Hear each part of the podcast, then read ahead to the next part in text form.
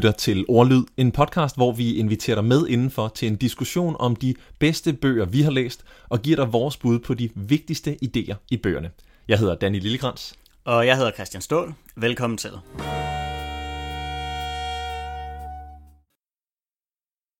I dag skal vi snakke om bogen Mindset, skrevet af Carol Dweck. Jeg læste den her bog i 2015, har jeg lige set, fordi der skrev jeg en lille øh, besked til nogle bekendte omkring bogen, så det er faktisk meget fedt lige at stifte bekendtskab med igen. Bogen Mindset, den handler om to meget basale ting i virkeligheden. Den handler om, at du enten har et fixed mindset eller et growth mindset. Det er helt konkret det, som hele bogen handler om. Men dimensionerne i det og konsekvenserne af at være bevidst om det her er også enorme. Så jeg er vildt spændt på at høre, hvad du har af, af indsigter og brug af, af det her med mindset. Og så glæder jeg mig til at han snakker om, øh, om, om vores anvendelser af det. Jeg blev ret overbevist, da jeg læste den her bog om, at et growth mindset, det vil jeg gerne i højere grad have i mit liv. Det vil udstyre mig til at bedre kunne håndtere udfordringer, bedre kunne lære mine fejl, være mere vedholdende. Så der, der er ret mange positive konsekvenser. Ja, det er faktisk rigtigt. Det der med vedholdenhed, den sammenhæng har jeg øh, faktisk også, altså det er en af de største øh, årsager til, at, at mindset har gjort en forskel for mig. Det er virkelig i støtten til vedholdenhed. Skal vi springe ud i vores yndlingsidéer fra bogen? Jamen, det vil jeg vildt gerne. Vil du starte? Det vil jeg meget gerne. Den første, jeg vil fremhæve, det er ligesom, hvordan jeg evaluerer mine egne præstationer. Når jeg ser på, hvordan noget er gået, så er jeg meget bevidst om at reflektere over det på en måde, der hjælper mig med at udvikle et growth mindset frem for et fixed mindset. Eksempelvis så deltager jeg samtidig i public speaking konkurrencer ved Toastmasters. Og nogle gange vinder jeg, og nogle gange taber jeg. Men når det går så godt, at jeg vinder, så er jeg egentlig meget bevidst om at huske at fortælle mig selv, at det er ikke fordi, at jeg er enormt talentfuld, men det er faktisk fordi, jeg har lagt en masse timer i at forberede en tale, og jeg har opsøgt feedback, og jeg har forsøgt at finpudse min præsentationsteknik.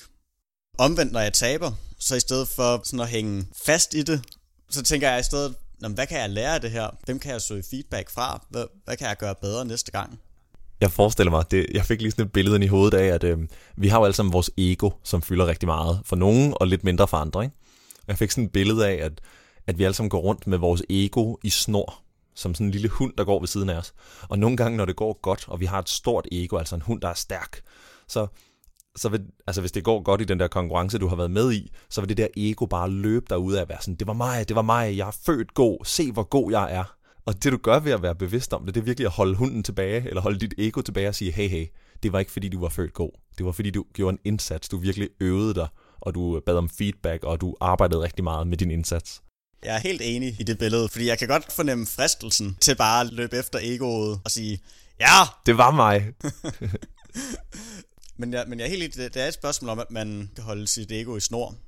Ja, og vel også fordi det så netop næste gang øh, kan komme til at overskygge en. Ikke? Det er jo hele det der ideen ved den her bevidsthed omkring mindset, er jo netop, at når det så bliver svært næste gang, hvis du så har lavet dit ego løbe afsted med dig, så er det, du ender med at sidde og, og tænke, jamen hvis jeg ikke er god den her gang, så, så skal jeg jo ikke blive ved, fordi jeg er jo sådan en, der er god. Og i stedet for, så holder vi egoet tilbage og siger, nej, jeg er ikke sådan en, der er god, jeg er sådan en, der kæmper for det. Ja. Jeg er egentlig også faldet i den fælde før.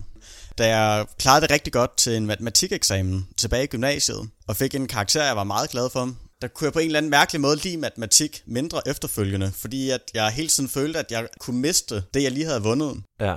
Efter at have læst den her bog, der kan jeg helt klart se et fixed mindset som jeg har sættet fast i.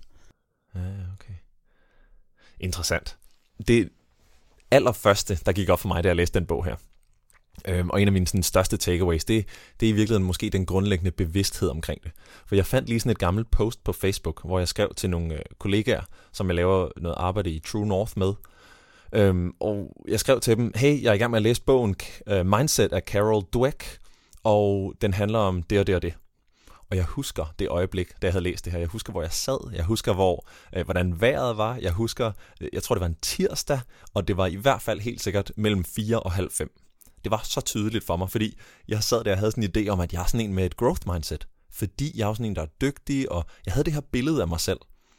Og på et eller andet tidspunkt, så havde jeg bare fået eksempler nok fra bogen på, hvordan et fixed mindset ser ud, og jeg kunne bare genkende mig selv så meget. Jeg havde virkelig sådan en, gud, det her, det er pinligt. Det, det var helt vildt, hvor meget jeg genkender og øh, associerer mig selv med et fixed mindset i virkeligheden. Så den har fuldstændig, bogen har fuldstændig vendt op og ned på, hvordan jeg øh, tænker om mig selv i forhold til udfordringer, i forhold til vedholdenhed, og i forhold til øh, at gøre noget, jeg ikke føler, jeg er ekspert til endnu. Fordi det har jeg mega svært ved. Jeg har mega svært ved ikke, altså, og det er også der, min perfektionisme kommer i spil. Det er, at jeg skal være sådan en, der leverer den der performance, som jeg plejer at gøre. Og det er bare fixed mindset. For hvis jeg ikke gør det, så kan jeg lige så godt lade være. Øh, altså, det er så, så svært for mig. Men øh, bevidstheden har virkelig gjort en forskel. Du har lavet ret mange forskellige slags projekter og så videre med, med podcast og eget firma. Hvordan tror du, at det med at, med at få et growth mindset, det sådan har påvirket din, din lyst og, og dit mod til at springe ud i den slags ting? Hmm. Jeg tror, noget af det, som jeg stadig lider under, det er, at jeg har svært ved at gå i gang med ting, som jeg ikke føler, jeg allerede er lidt kompetent til. Og jeg tror, at i virkeligheden, hvis jeg skal starte et andet sted end det, du spørger til, så tror jeg faktisk, det holder mig tilbage fra at starte på ting, som jeg øh, måske synes er sjove, fordi jeg ikke er sikker på, at jeg vil være god til dem. Så jeg tror faktisk, det påvirker mig til at starte inden for områder, hvor jeg allerede har en fornemmelse af, at jeg er god til det. Og det er mit fixed mindset, der stadig fylder der. Til gengæld så er jeg bevidst om det, og så, så prøver jeg sådan at øhm, udvide mig derfra. For eksempel, nu begynder jeg at lave de her videoer på øh, LinkedIn, som jeg lægger op hver fredag der, med hashtag fredagsfeedback. Og der var noget perfektionisme, som gjorde, at det tog mig 3-4 uger at forlade den første video på 2 minutter. Og det skyldes, at jeg ville have det rigtige setup. Det skulle se ud som om, at jeg var rigtig, rigtig professionel og dygtig og sådan noget. Det er jeg faktisk glad for i dag, fordi jeg er meget stolt af resultatet. Men til gengæld, øhm, så betyder det også nu, at jeg, mm, hvad kan man sige, med, med viden om growth mindset, så har jeg også en tiltro til, når jeg så får kommentarer. Og det, vi er faktisk over mit punkt nummer to nu. Øhm, en af de ting, jeg har taget med derfra, det er, at når jeg får kommentarer, så slår de mig ikke ned, som de ville have gjort førhen. Fordi nogle gange, altså kommentarer, som er kritiske. Øhm, nogle gange så får jeg nemlig kommentarer, som udfordrer min idé, eller som på en eller anden måde bare viser, at den, der øh, kommer med kommentaren, er dygtigere end mig. Det er jo fantastisk, at der er en, der er dygtigere end mig, som kommenterer for noget, jeg har lavet. Det er, da en, det er da en vildt fed situation. Jeg kan lære af det. Øh, dem, som ser mit opslag, de bliver også gjort endnu dygtigere. Så i den her tanke, så er det jo alt sammen godt. Men fra mit fixed mindset, som nogle gange kommer til at være til stede der, så tænker jeg, åh oh, nej, nu virker jeg ikke perfekt længere.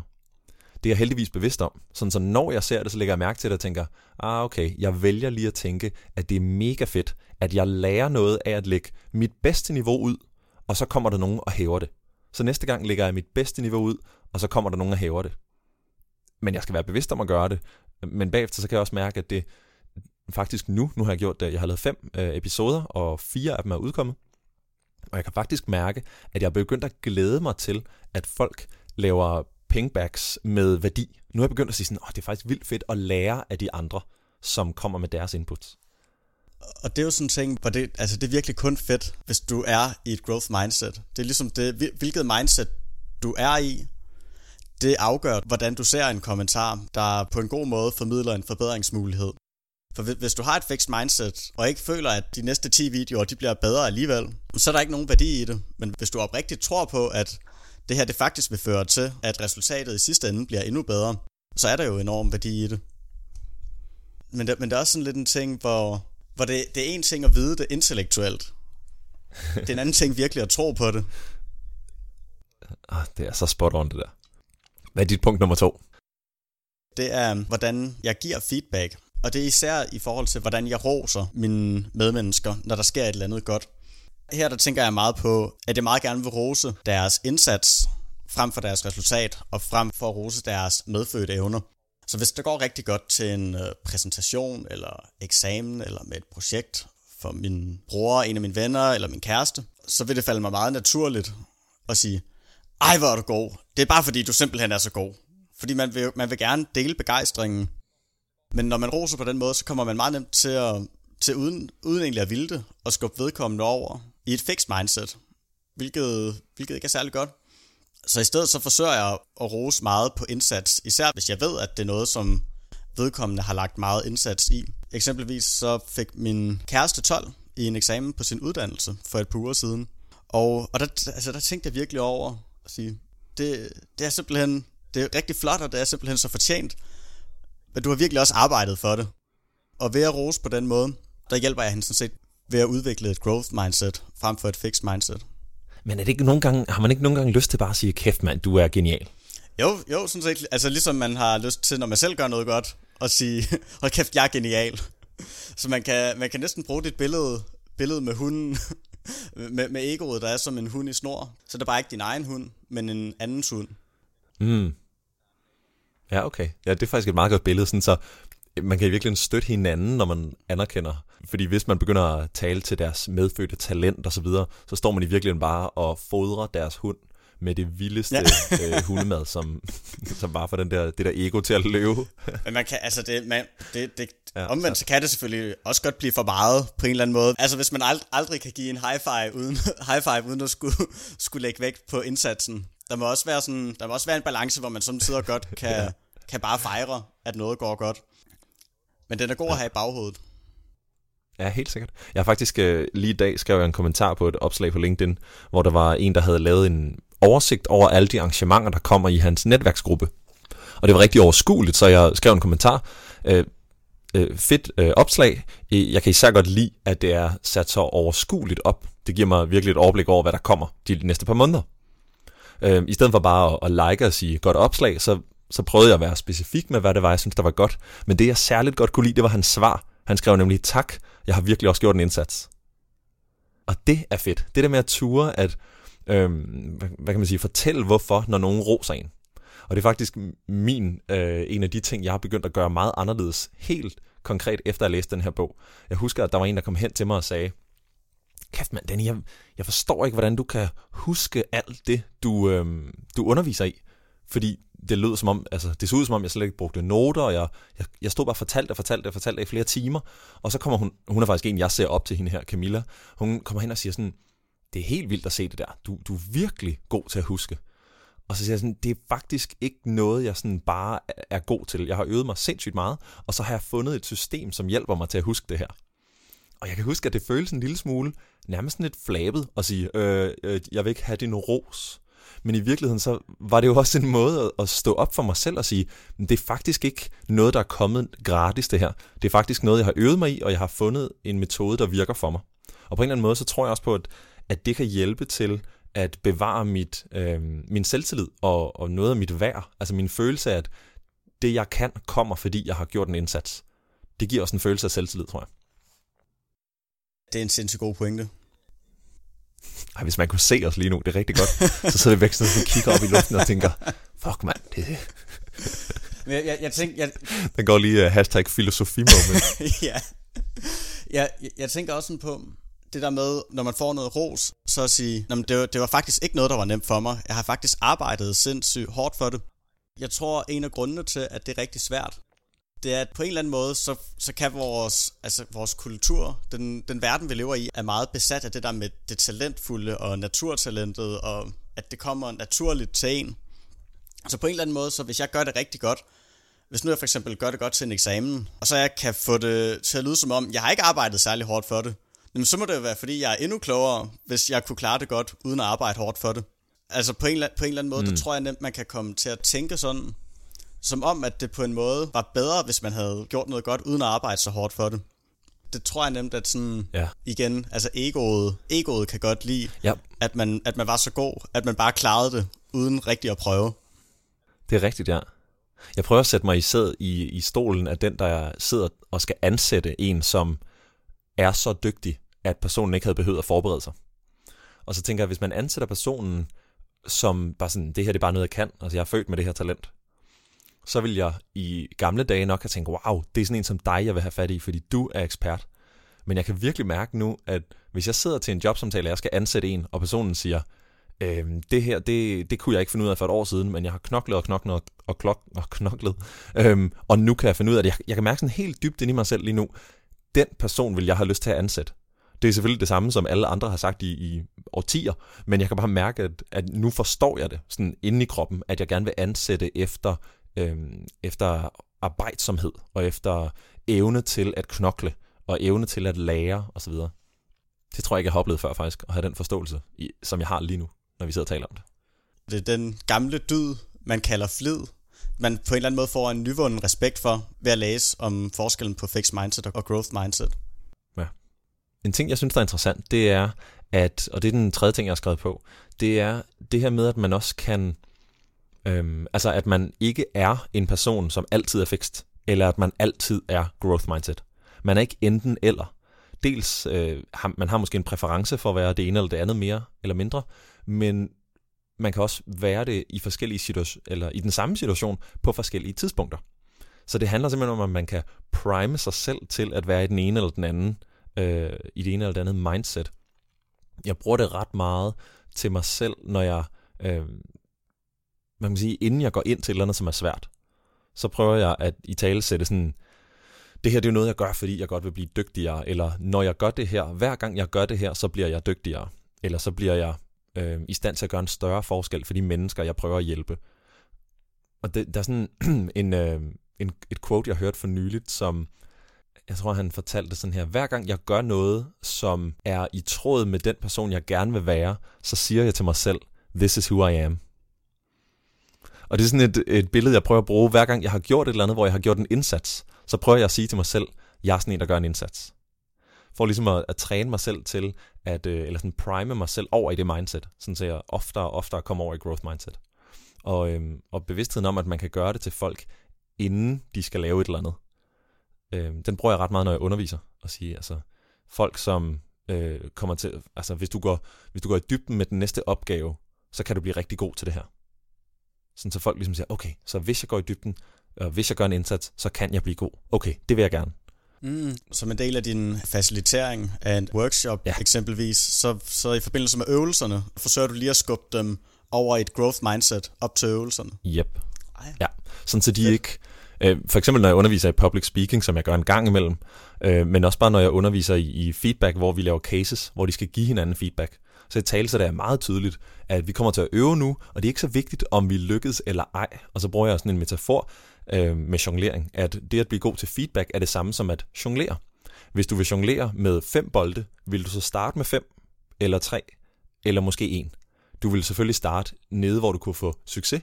Og det er det samme med, når vi så øver de her cases, så siger jeg også, det er ikke vigtigt, om du lykkedes med casen, om du svarer helt perfekt. Det vigtige er, at du bliver ved med at øve dig, fordi vi er først gode til det her om nogle uger, om nogle måneder. Så det er indsatsen i dag, der er super vigtig. Og det, det prøver jeg at sætte dem op til et growth mindset med. Det havde jeg ikke tænkt på på den måde. Det giver et, en helt anden motivation for, at man skal arbejde igennem en øvelse, især hvis der er et eller andet, man ikke kan finde ud af. Altså ikke bare gør det ikke noget, hvis der er et eller andet, man ikke kan finde ud af. Men det, det, er, ikke, det er både ikke det, det handler om, og det er ikke noget problem i forhold til det mål, du gerne vil have på længere sigt, som er at blive dygtigere. Mm. Right, ja. Det var en god kommentar, du havde omkring, omkring altså den nuance med, at man godt kan have et growth mindset i en situation eller på et tidspunkt, og så et fixed mindset i, i en anden situation.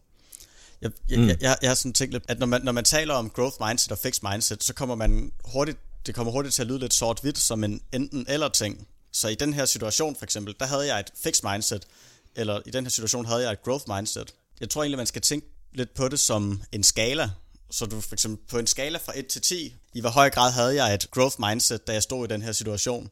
Det behøver jo ikke enten at være en 0'er eller en 10'er. Det kan godt være, at du ligger, ligger lidt i midten, eller du ligger lidt, lidt over midten. Så, ah, så, ja, okay. så skal man se lidt mere som en, som en skala på den måde. Ja. Hvordan bruger du det? Altså, hvad, hvordan hjælper det dig til at have et growth mindset? Jeg tror, det kan gøre det nemmere at spotte, når man eksempelvis har et fixed mindset, uden mm-hmm. at mhm. man rammer sin egen stolthed alt for meget.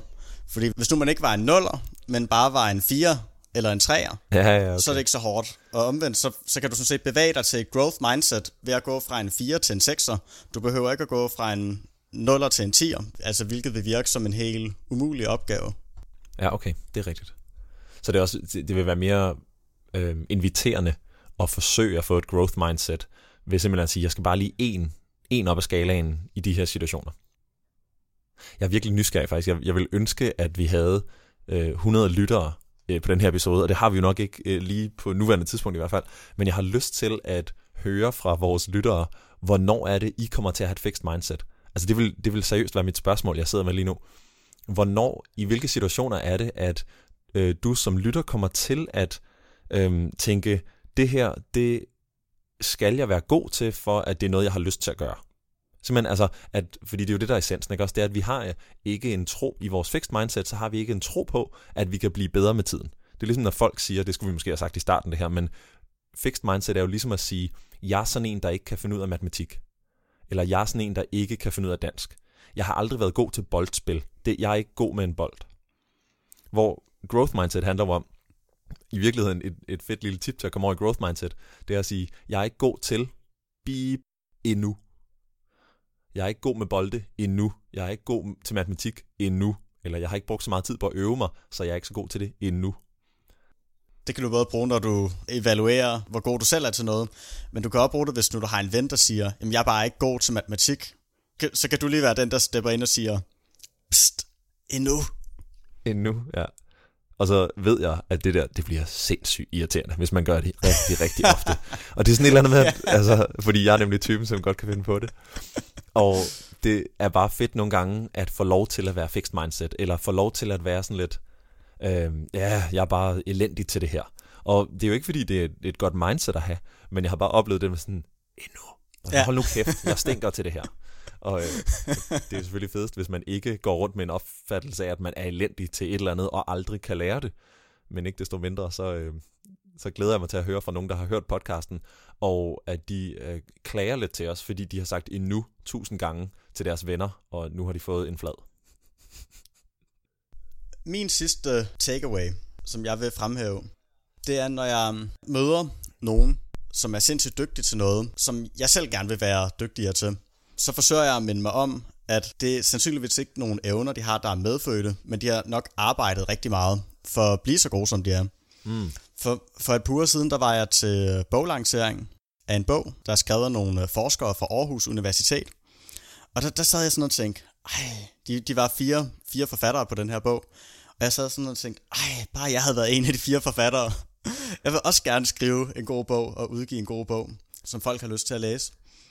Og der sad jeg sådan lidt og tog mig selv i sådan på en eller anden måde at have et fixed mindset og tænke, at der var sådan en eller anden grundlæggende medfødt forskel på dem og mig. Mm.